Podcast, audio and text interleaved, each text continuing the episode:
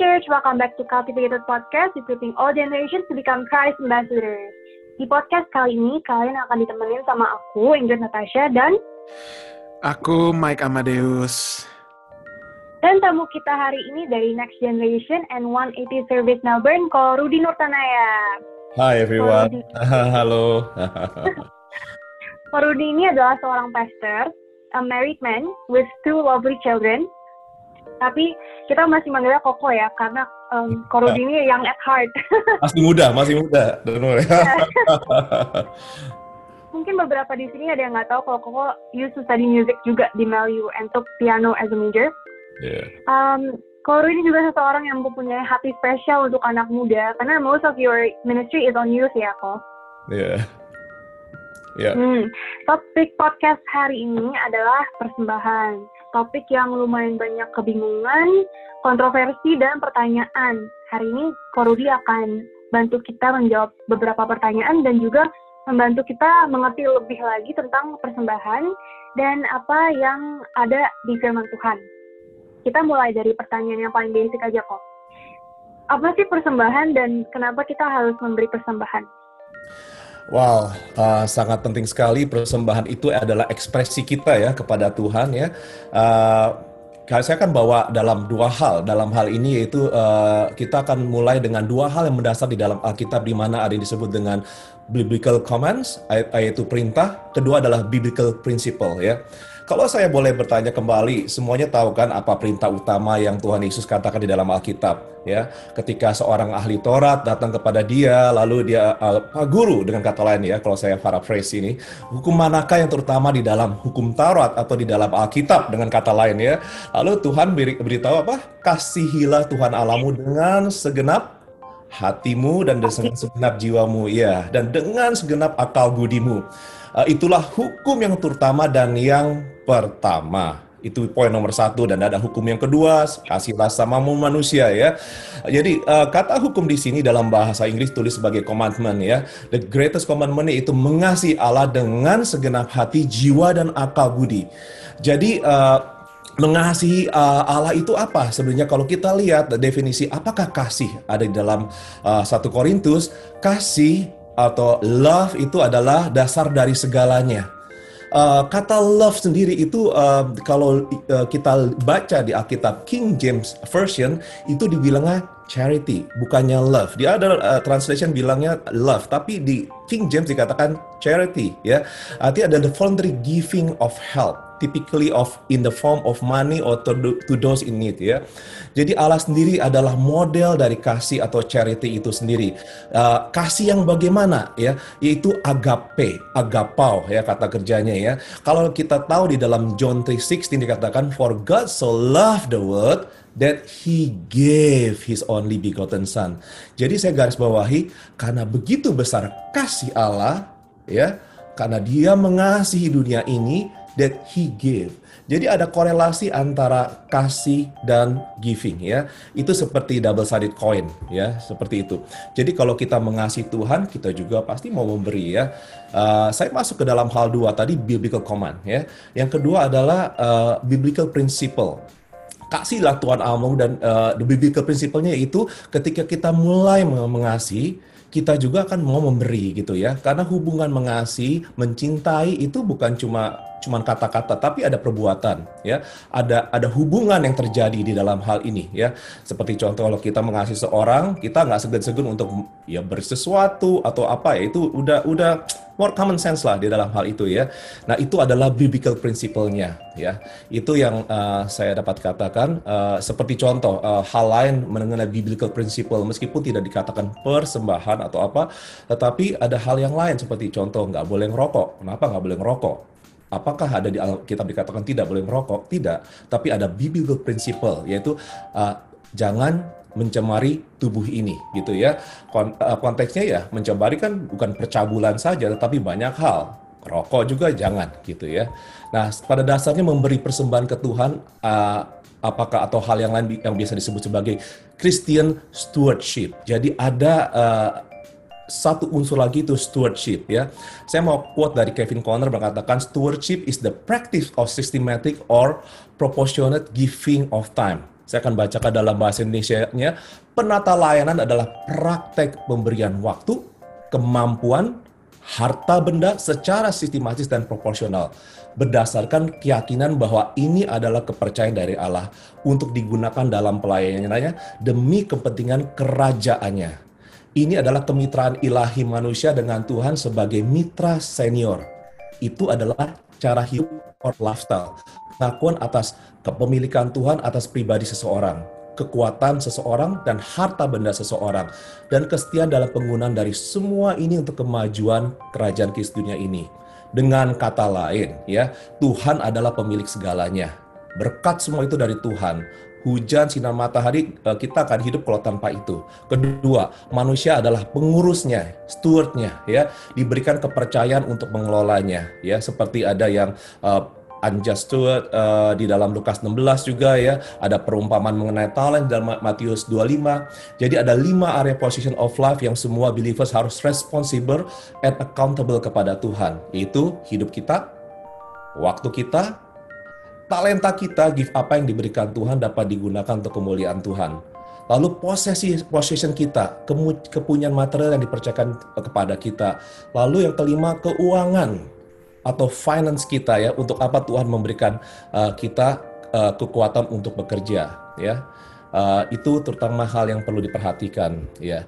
Di selain itu juga kenapa persembahan itu perlu adalah karena itu adalah proyeksi dari kita uh, meng, uh, memuliakan Tuhan di bahasa Inggris dikatakan honor God ya uh, di dalam Prophet 3 ayat 9 sampai 10 honor the Lord with your wealth and with the first fruit of all your produce dan seterusnya ya. Jadi muliakan Tuhan dengan hartamu. Jadi persembahan part of honoring him.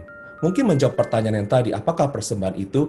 Kalau menurut definisi, definisi saya, persembahan adalah ekspresi kita kepada Tuhan bahwa kita mengasihi Dia dan memuliakan dan menghormati Dia sebagai yang empunya segalanya dan kita adalah steward dari Tuhan yang dipertanggungjawabkan untuk mengelola segala kepunyaan Tuhan di bumi ini. Ya, itu dari saya. Oke. Oke oke oke, very very detail ya kok ya jawabannya. Ini kok, aku punya pertanyaan yang mungkin juga cukup banyak ditanyakan di kalangan uh, orang Kristen. Ya. Yeah. Apakah persembahan itu tercantum di dalam Alkitab harus memberi persembahan dalam berupa uang? Karena hmm kalau kita lihat ya, kalau kita lihat di Old Testament kan persembahan itu mostly dalam bentuk binatang, dan kalau di Perjanjian Baru nggak ada tuh clear cut-nya uh, persembahan itu bentuknya seperti apa sih? Nah ini pertanyaan yang mungkin kita penasaran juga nih. Well, uh, memang ini cukup unik sekali mengenai persembahan ya. Uh, saya berikan contoh gini, waktu saya pelayanan di Indonesia ke desa-desa, saya sempat ke desa-desa gitu ya, uh, dan hamba Tuhannya bilang gini, saya memberikan uh, apa uh, jemaatnya memberikannya itu hasil bumi gitu, termasuk perpuluhannya, karena mereka nggak punya uang ya untuk ngasih gitu ya, karena sangat ini sekali, jadi uh, uh, ya bukan nggak punya. Jadi memang hidupnya dari situ gitu loh. Jadi barteran gitu ya. Itu udah sudah lama sekali. Waktu itu saya masih di SMA saya ikut uh, pelayanan desa gitu. Uh, memang ada sampai sekarang juga masih ada dengan persembahan seperti itu. Tetapi apakah tidak ada mengenai uang? Ada. Karena di dalam ulangan 14 ayat 22 sampai 29 dikatakan demikian. Persembahan atau persepuluhan bisa dengan hasil benih ladang, gandum, anggur, minyak, lembu, kambing, domba yang mereka punya supaya belajar takut akan Tuhan. Ya, ayat tersebut mengatakan demikian. Jadi kalau di daerah terpencil ya, atau yang memang pada masa itu uh, itu digunakan ya boleh dipersembahkan. Tetapi kalau kita baca lebih lanjut di dalam kitab Ulangan dikatakan, tapi kalau jauh tempatnya dari tempat waktu itu, yaitu ke tempat ibadahnya mereka tabernakal itu, mereka boleh bawa uang dikatakan money gitu ya. Mereka boleh bawa uang di, di zaman Indonesia juga dan akhirnya dibelanjakan untuk beli itu. Nah, tetapi dalam satu hal gini, um, dalam uh, saat ini memang uh, kan kembali lagi tadi saya jelaskan ada biblical comment dan biblical principle-nya. Kalau pada saat ini uh, seandainya kita ke gereja kita bawa lom apa lembu, kambing, domba, uh ramai sekali ya. Lalu kita harus ke mana kan kambing domba itu apa harus kita makan atau apa? Nah, itu udah nggak efektif produktif lagi gitu ya. Jadi lebih praktisnya bawa uang, di mana uang diserahkan, lalu dikelola, di, dibelikan untuk yang diperlukan atau di untuk kebutuhan rumah Tuhan gitu ya, supaya ada makan di rumah Tuhan ya. Uh, itu yang saya bisa katakan ya. Oke, okay, oke, okay, oke. Okay. Nah, uh, ini interestingly, kok kan tadi ngomong di pertanyaan yang pertama bahwa uh, the biblical principle untuk memberikan itu karena kita tahu Tuhan yang punya kehidupan kita. Nah, ini nih pertanyaan berikutnya nih um, lumayan tricky ya, karena mungkin banyak orang yang memberikan persembahan dengan prinsip ini, prinsip apa yang kamu tabur itu yang kamu tuai. Apakah ini prinsip berlaku di dalam memberikan persembahan? prinsip ini? Oke, okay, uh, eh, saya akan bacakan uh, memang di dalam Lukas 6 ayat 38 dikatakan, Berilah dan kamu akan diberi. Suatu takaran yang baik, yang dipadatkan, yang digoncang, dan yang tumpah keluar akan dicurahkan ke dalam ribaanmu. Sebab ukuran yang kamu pakai untuk mengukur akan diukurkan kepadamu. Ya, uh, Juga uh, di ayat lain dalam 2 Korintus dikatakan gini, Camkan ini, orang yang menabur sedikit akan menuai sedikit juga, dan orang yang menabur banyak akan menuai banyak juga. Kalau kita lihat di dalam kata, uh, saya baca di dalam bahasa Indonesia-nya gitu ya, perikopnya.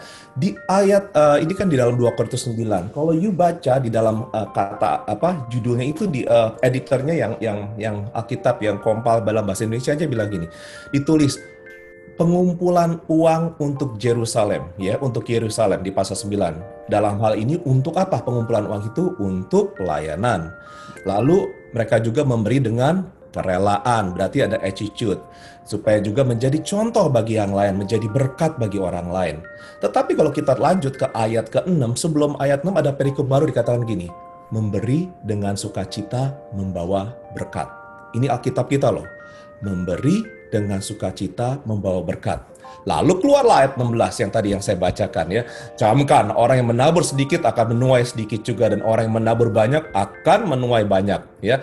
Disambung dengan sukarela bukan paksa sebab Allah mengasihi orang yang memberi dengan sukacita. Jadi ya memang hukum tabur tuai ada gitu ya. Uh, Tuhan uh, semua itu didasarkan kepada kasih ya.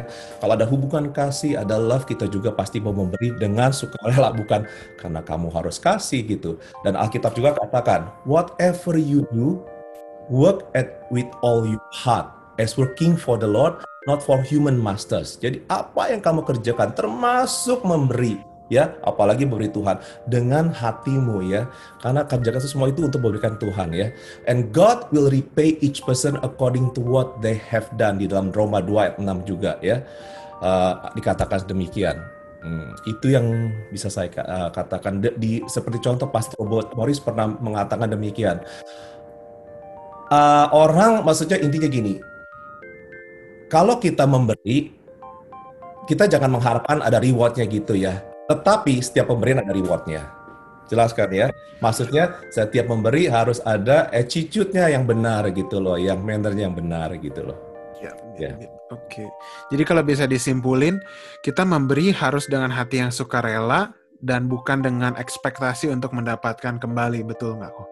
Iya, karena saya rasa gini ya, kalau coba sekarang gini, kalau you mengasihi seseorang ya, uh, karena um, orang pada saat ini bingung antara the uh, love itu kan banyak ya, tapi yang uh, love di sini adalah agape loh ya, bukan love-nya kayak pacaran, bukan agape itu kasih Tuhan ya, charity. Jadi uh, it, itu harus ada itu gitu loh, penting sekali gitu loh.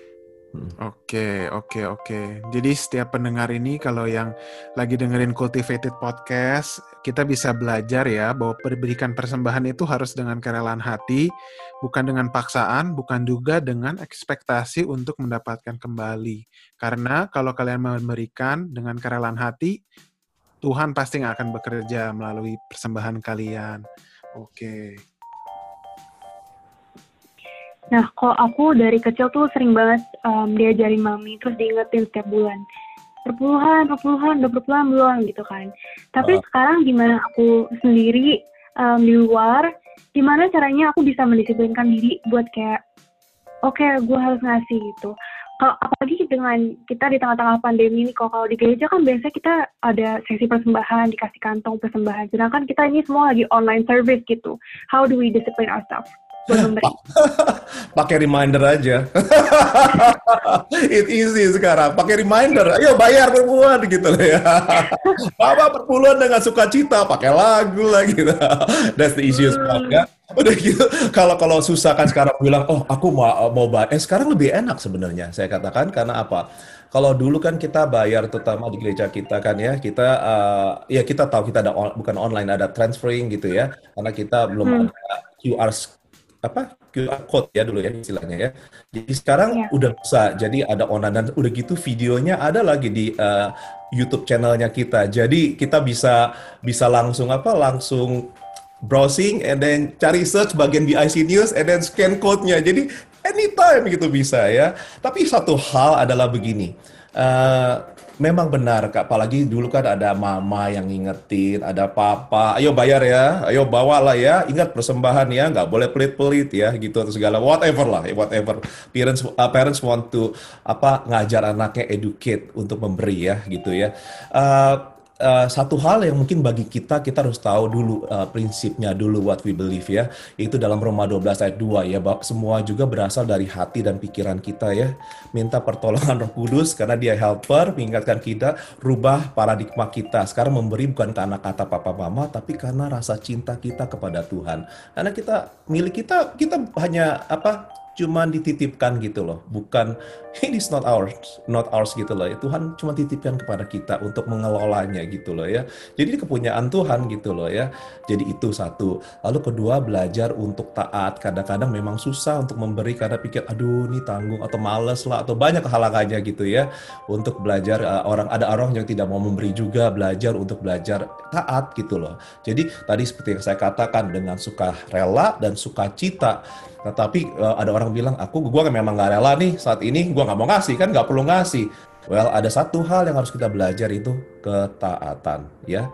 Untuk taat berarti kita harus langkah gitu ya. Itu harus dilakukan. Saya dulu diajarkan juga gitu, apalagi uh, dari hal yang kecil gitu. Saya masih ingat mentor saya bilang gini, kalau uh, mau memberi dia bilang gitu ya uh, beri yang yang kamu bisa dulu gitu loh bisa se, se, uh, amount yang seberapa gitu ya. Lalu udah gitu coba lebihin gitu loh. Sampai kamu rasanya waktu kamu memberi sebenarnya kamu ada pilihan. Misalnya dua dolar gampang kan yuk cemplung aja dua dolar. Tapi bagi you mungkin lima dolar berat. Aduh lima dolar aku bisa beli apa ya? Bisa beli permen beli beli ice tea or whatever lah ya. Uh, lalu udah gitu itu pilihannya, masukan gitu dia bilang. Tapi benar loh, dia ajarkan saya, dia nggak maksa ajarkan saya, saya ajar, lalu ah, itu jadi lifestyle saya gitu loh. Kalau ada apa-apa langsung gitu loh, jadi nggak nggak nggak perlu disuruh, nggak perlu diingatkan, dan uh, inisiatif sendiri gitu loh. Dari hal yang kecil, dari mungkin mungkin dari kurs uang Australia mungkin dari sekitar 2 dolar, 5 dolar, 10 dolar, 20 dolar naik terus terus terus ratusan dan udah memberi itu jadinya menjadi lifestyle gitu loh ya. Itu jadi banyak saya dengar kesaksian hamba-hamba Tuhan yang diberkati ya dari gitu ya. Karena mereka taat dan mereka juga kelangkah dan mereka udah lifestyle ya. Kalau lifestyle kan you nafas nggak usah dikasih tahu kan ya. Jadi nggak usah diingatkan. Itu menjadi lifestylenya kita gitu. Itu dari saya Iya benar sih kalau aku tahu beberapa orang yang hmm, segan untuk memberi karena merasa um, amountnya langsung besar gitu. Tapi kalau kayak tadi tips Koko tuh mulai dari yang kita bisa yang dari kecil, yeah. terus kemudian jadi lifestyle itu sangat applicable gitu. Yeah. proses nah, ya, proses tiap orang beda ya kedewasaannya juga ya. Jadi saya nggak bisa samakan. Oh kamu nggak saya eh, nggak uh, pernah bukan soal amountnya, tetapi uh, mentor saya dia dia cukup cukup baik sekali dan uh, sangat encouraging sekali. Dia bilang uh, ya uh, sampai kamu rasanya sakit itu itu namanya kan sacrifice ya persembahan itu kan sacrifice. Kalau inti uh, di di perjanjian lama itu jelas sekali itu sacrifice gitu loh itu sacrifice ya you, you kasih gitu. Uh, itu nah, itu belajar dan benar-benar itu saya belajar karena saya memang mau memberi ya saya bilang Tuhan tuh selalu baik lah ya berkat Tuhan selalu ada ya. Nah dari pengalaman Koko sendiri gimana caranya Koko ngajarin um, anak-anak atau keluarga dalam memberi persembahan? Karena itu lifestyle ya, jadi saya jadikan bukan seperti apa ya, kalau ada orang, kamu harus kasih ya. you tahu kan, kalau udah semakin diharus-haruskan, biasanya nggak mau gitu ya. Jadi dibuat lifestyle. Lifestyle yang mau nggak mau kita kan harus nafas memang ya. Jadi uh, seperti nafas sudah atau kita hidup untuk apa ya lifestyle lah, you, you understand ya lifestyle ya. Dari kecil udah saya ajarkan yaitu untuk ajar untuk hal semuanya yuk share gitu, share your stuff gitu with me gitu loh. Uh, misalnya contoh waktu kita makan bersama, uh, kan anak kecil gitu, kalau ada makanan yang dia suka dia nggak mau kasih, dia tahan nggak mau share mainan atau apa. Terus saya bilang, oke, okay, Daddy punya sesuatu nih enak nih, I share with you. Dan saya kasih contoh dulu, kasih dia makanan dulu gitu. Itu dalam hal daily ya. Lalu itu bertumbuh dia juga mau share. Jadi kalau dia ada makanan, eh, dan nggak pelit jadinya gitu loh. Jadi waktu apa-apa, waktu mau memberi juga dia kasih gitu loh. Bah bahkan kalau anak kecil apalagi itu gampang sekali uh, dikasih yang sedikit, eh nanti ada kolektor masukin ya. Oh mereka kan beradu-adu ya. Iya nanti masukin ya gitu, masukin seneng gitu loh. Sesuatu hal yang mereka dengan sukacita gitu loh meskipun itu uang uang kita kan kita kasih gitu ya masih kecil kan belum ada uang jajan gitu ya dan uh, ya itu mereka kasih gitu kalau saya katakan kamu harus memberi ya. Mereka nggak akan sayang ya nanti ini bisa buat beli uh, jumper ya atau mm, enggak enggak. Mereka udah tahu gitu loh. Jadi uh, dimulai dari uh, keseharian lalu do it together ya bertahap ya uh, lalu juga kita juga bertujuan wah bagus sekali ya kamu memberi hari ini dengan sukacita. Gue seneng Dedi lihat kamu begitu gitu. Perlu juga anak kecil kan namanya perlu dikasih encouragement ya. Oke Menarik, menarik kok. Menarik. Berarti kita harus belajar ya nanti dari mungkin dari kita juga yang udah uh, dewasa nanti berkeluarga punya anak kita harus uh, mulai mengajarkan anak-anak kita untuk bisa generous ya sama sama others dan juga of course sama Tuhan. Iya penting, apalagi di sekolahan ya. Biasa kan kalau di sini kan sekolahan semua share. Uh, saya masih ingat kalau dulu di Indonesia, anak saya pertama kan lahir di Indonesia itu uh, karena sekolah-sekolah Indonesia kan lebih eksklusif lah ya. Kalau kamu sekolah sekolah private segala macam kan itu this is mine, my, this is my area, ngerti kan ya? Kalau di sini kan enggak, di sekolah government semua share, pensil warna share. Kalau Indonesia kan enggak semua bawa yang paling bagus pensil warnanya. Kalau di sini enggak, kita bayar pensil warna, tapi nanti mereka campurin jadi satu, entah bagaimana tuh pokoknya semua share dan nggak nggak boleh nggak boleh apa nggak boleh uh, bawa di bawa sendiri ada beberapa hal kayak buku kan memang dikasih masing-masing. Tapi itu kan kita yang bayar juga orang tua. Tapi untuk beberapa hal mereka harus share. Jadi uh, the beauty of uh, sharing itu penting sekali. Jadi anak-anak itu belajar untuk generous. Orang lain memerlukan sesuatu kamu perlu perhatikan juga gitu. Oke. okay. Sebelum kita tutup, kita bakal masuk ke pertanyaan terakhir nih. Ini ini juga pertanyaan yang cukup menarik kok. Uh, ada statement di akhir-akhir ini banyak yang bilang bahwa berikan hidupmu itulah persembahan yang terbaik. Money is nothing if you don't give your life. Menurut kau gimana nih sama statement ini? Uh, saya setuju dalam arti kata begini, benar kamu harus offer your life. Kan di dalam Alkitab dikatakan uh, kita lah adalah offering ya. Serak, apa uh, tubuh kita itu adalah offering ya kepada Tuhan gitu ya. Semuanya tubuh itu bukan apa semua akal dan pikiran kita. Seharusnya kalau dia dengan benar dia akan uh, apa uh, sebagai korban ke, maksudnya sebagai uh, uh, offering ke Tuhan dia offer dia punya life ke Tuhan kalau dia mau nurut sama Tuhan obey sama Tuhan saya rasa dia dalam hal gift dan segala macam nggak akan nggak akan nggak uh, akan apa nggak akan jadi oh harus belajar lagi gitu. Karena ini kayak double sided coin juga gitu ya. Kalau you udah serahkan diri you, you udah komitmen dan semua you know gitu loh what the meaning of that gitu ya. Uh, jadi the, the whole thing nggak mungkin kayak orang bilang gini kan orang sering juga ngomong um, soal prioritas lah. Prioritas nomor satu adalah Tuhan. Nomor dua adalah biasanya apa? Adalah habis Tuhan biasanya keluarga. family, keluarga ada gitu. Tapi ketika udah masuk ke pelayanan mereka bilang ah, saya nggak mau melayani dulu kan sudah melayani keluarga. Benar keluarga dilayani tapi saya percaya kalau prioritas nomor satunya benar yang duanya nomor tiganya nggak akan ditelantarin Nggak mungkin. Karena nomor satunya udah benar dulu gitu loh. Sama, kalau kita udah benar-benar ya, uh, our life will be an offering gitu ya. Uh, we know the whole thing gitu, the, the whole package lah saya bilang gitu ya. Gitu, itu itu kalau gambaran saya ya. Oke, betul betul betul. Oke. Jadi dalam conclusion ini uh, dalam podcast ini kita tahu bahwa kita memberikan itu harus dengan sepenuh hati, dengan sukarela kepada Tuhan karena Tuhan yang sudah terlebih dahulu ya memberikan memberikan kepada kita ya. Yeah. Karena Tuhan yeah. yang punya juga. Oke, okay, thank you so much Nico Rudy for coming to Cultivated Podcast.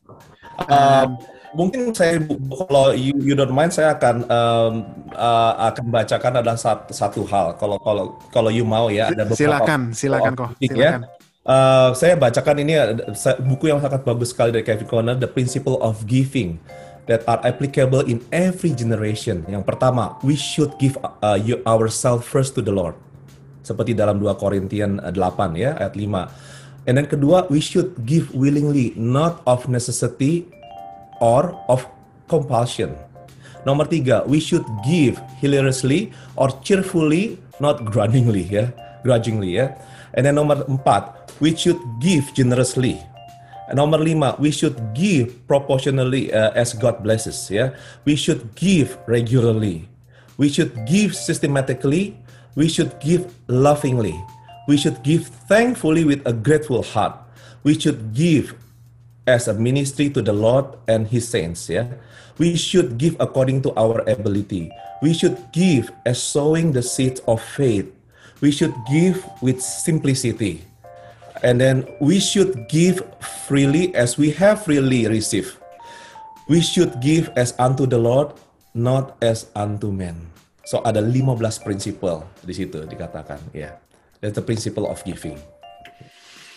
Oke, sekali lagi thank you so much Korudi for coming to Cultivated Podcast. It was a very good 15 points. Kalau kalian um, uh, tertarik untuk mendengar, kalian bisa klik our cultiv uh, podcast di Cultivated Pod Cultivated Podcast di Spotify.